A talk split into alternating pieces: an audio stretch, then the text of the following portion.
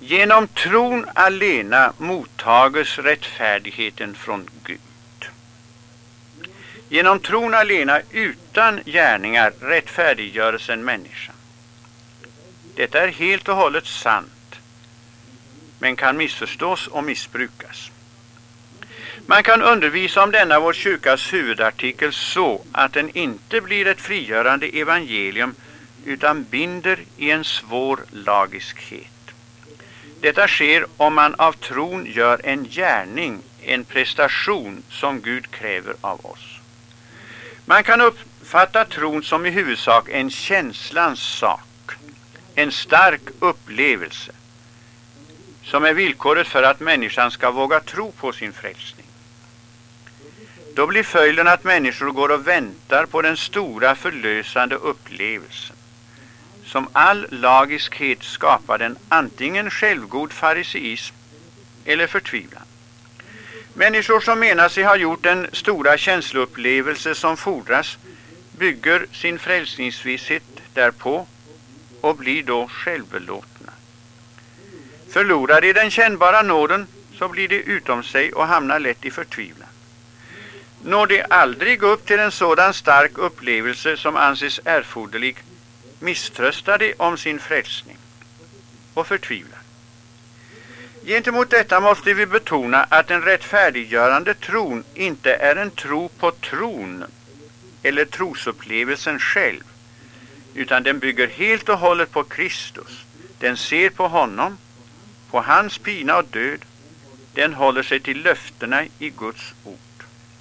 Den sanna tron förtröstar på Guds nåd i Kristus, vare sig hjärtat känns varmt eller kallt, vare sig det känns ljuvligt eller inte. Grunden för vår frälsning ligger nämligen utanför oss, inte inom oss. Grunden är Kristus. En annan missuppfattning är den att det gör detsamma eller åtminstone är mindre viktigt vad man tror.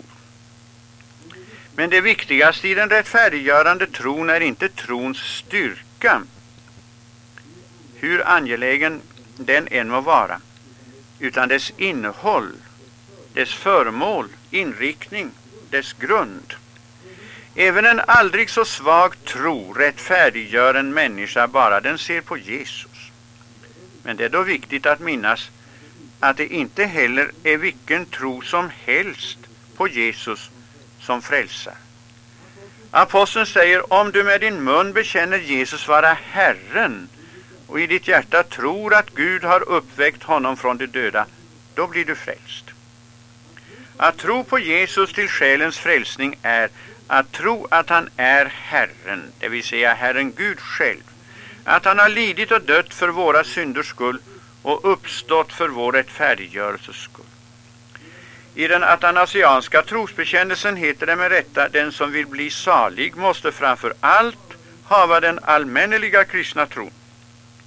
Men detta är den allmänneliga kristna tron att vi dyrkar en enda Gud i tre personer och tre personer i en enda gudom.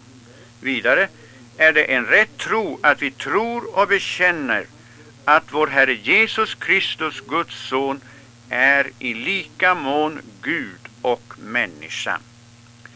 Den saliggörande tron är således inte en självgjord tro, en mänskligt utfunderad tro om Jesus, utan den är ett ja både med hjärta och tanke och vilja till Guds klara vittnesbörd i skriften att Jesus är sann Gud och sann människa och försoningen för våra synder. Den saliggörande tron är sålunda både försanthållande och förtröstan. En förtröstan på något man inte håller för sant är ju en orimlighet. Å andra sidan är ett försanthållande utan förtröstan ingen verklig tro. Ty tron är inte ett oengagerat accepterande av en viss åsikt. Den är ett gripande om, ett fasthållande vid en sanning, vid en person, Jesus, så som gällde det livet, vilket det förvisso gör. Det är sålunda inte trosakten som sådan som rättfärdiggör. Människan blir inte salig på vilken tro som helst. Det är trosinnehållet, trosföremålet, det vill säga Kristus, som rättfärdiggör. Eftersom man sedan hundra år tillbaka fått lära sig att förakta allt vad dogmer och lärosatser heter är detta chockerande för människor i våra dagar. Men för den som tänker efter något litet är saken mycket enkel och klar. Det är ingalunda likgiltigt vad eller vem man tror på. Det fanns under nazisttiden människor som trodde av hela sitt hjärta på Hitler, liksom det i våra dagar finns idealister som tror på någon av vår tids diktatorer eller totalitära system. Deras tro kan stundom vara uppriktig och helhjärtad och mäktigt stora offer och ändå är den falsk och avslöjas förr eller senare som sådan. Om man tror på en lögn eller på en bedragare så hjälper det inte hur stark tron är. Man kan säga att ju starkare tron är, desto värre blir det en gång när grunden visar sig vara falsk. Men den som förtröstar på Jesus och som syndares frälsare, han bygger på en fast grund, på en klippa som inte kan vackla. Han bygger på sanningen själv. Det är detta som räddar honom. Att grunden håller. Att bygga hela sin förtröstan på Jesus och hans förtjänst är att icke förtrösta på sig själv, på sina egna gärningar, sin egen fromhet. Självförtröstan och Kristus tro utesluter varandra. Ty att tro på Kristus som sin frälsare innebär eller förutsätter att man vet sig själv vara ingenting annat än en fördömelsevärd syndare som inte kan göra något för sin egen frälsning. Två fundamentala kristna lärosatser hör därför oupplösligt samman, nämligen dels den dystra läran om arvsynden eller det totala syndafördärvet, som gör att människan inte förmår göra något för sin egen frälsning.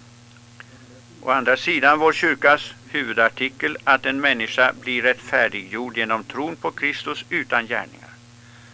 Syndabekännelsen och trosbekännelsen hör därför oupplösligt samman. Ja, man kan säga att den ena är liksom innesluten i den andra. En rätt syndabekännelse vänder sig i förtröstan till Kristus och åberopar hans pina och död. Annars blir den ingenting annat än ett tröstlöst klagande, misströstan och förtvivlan såsom Judas bekännelse. En rätt trosbekännelse åter är inte bara en förståndsakt, ett accepterande av ett historiskt faktum eller av en teologisk åskådning, utan den är en fast förtröstan att Jesus, sann Gud och tillika sann människa, förlossat, förvärvat och vunnit mig, förtappade och fördömda människa, ifrån alla synder, ifrån dödens och djävulens våld, icke med guld eller silver, utan med sitt heliga och dyra blod och med sitt oskyldiga lidande och död. Vi hörde domprost Gustav Adolf Danell i Kyrkliga förbundets sändning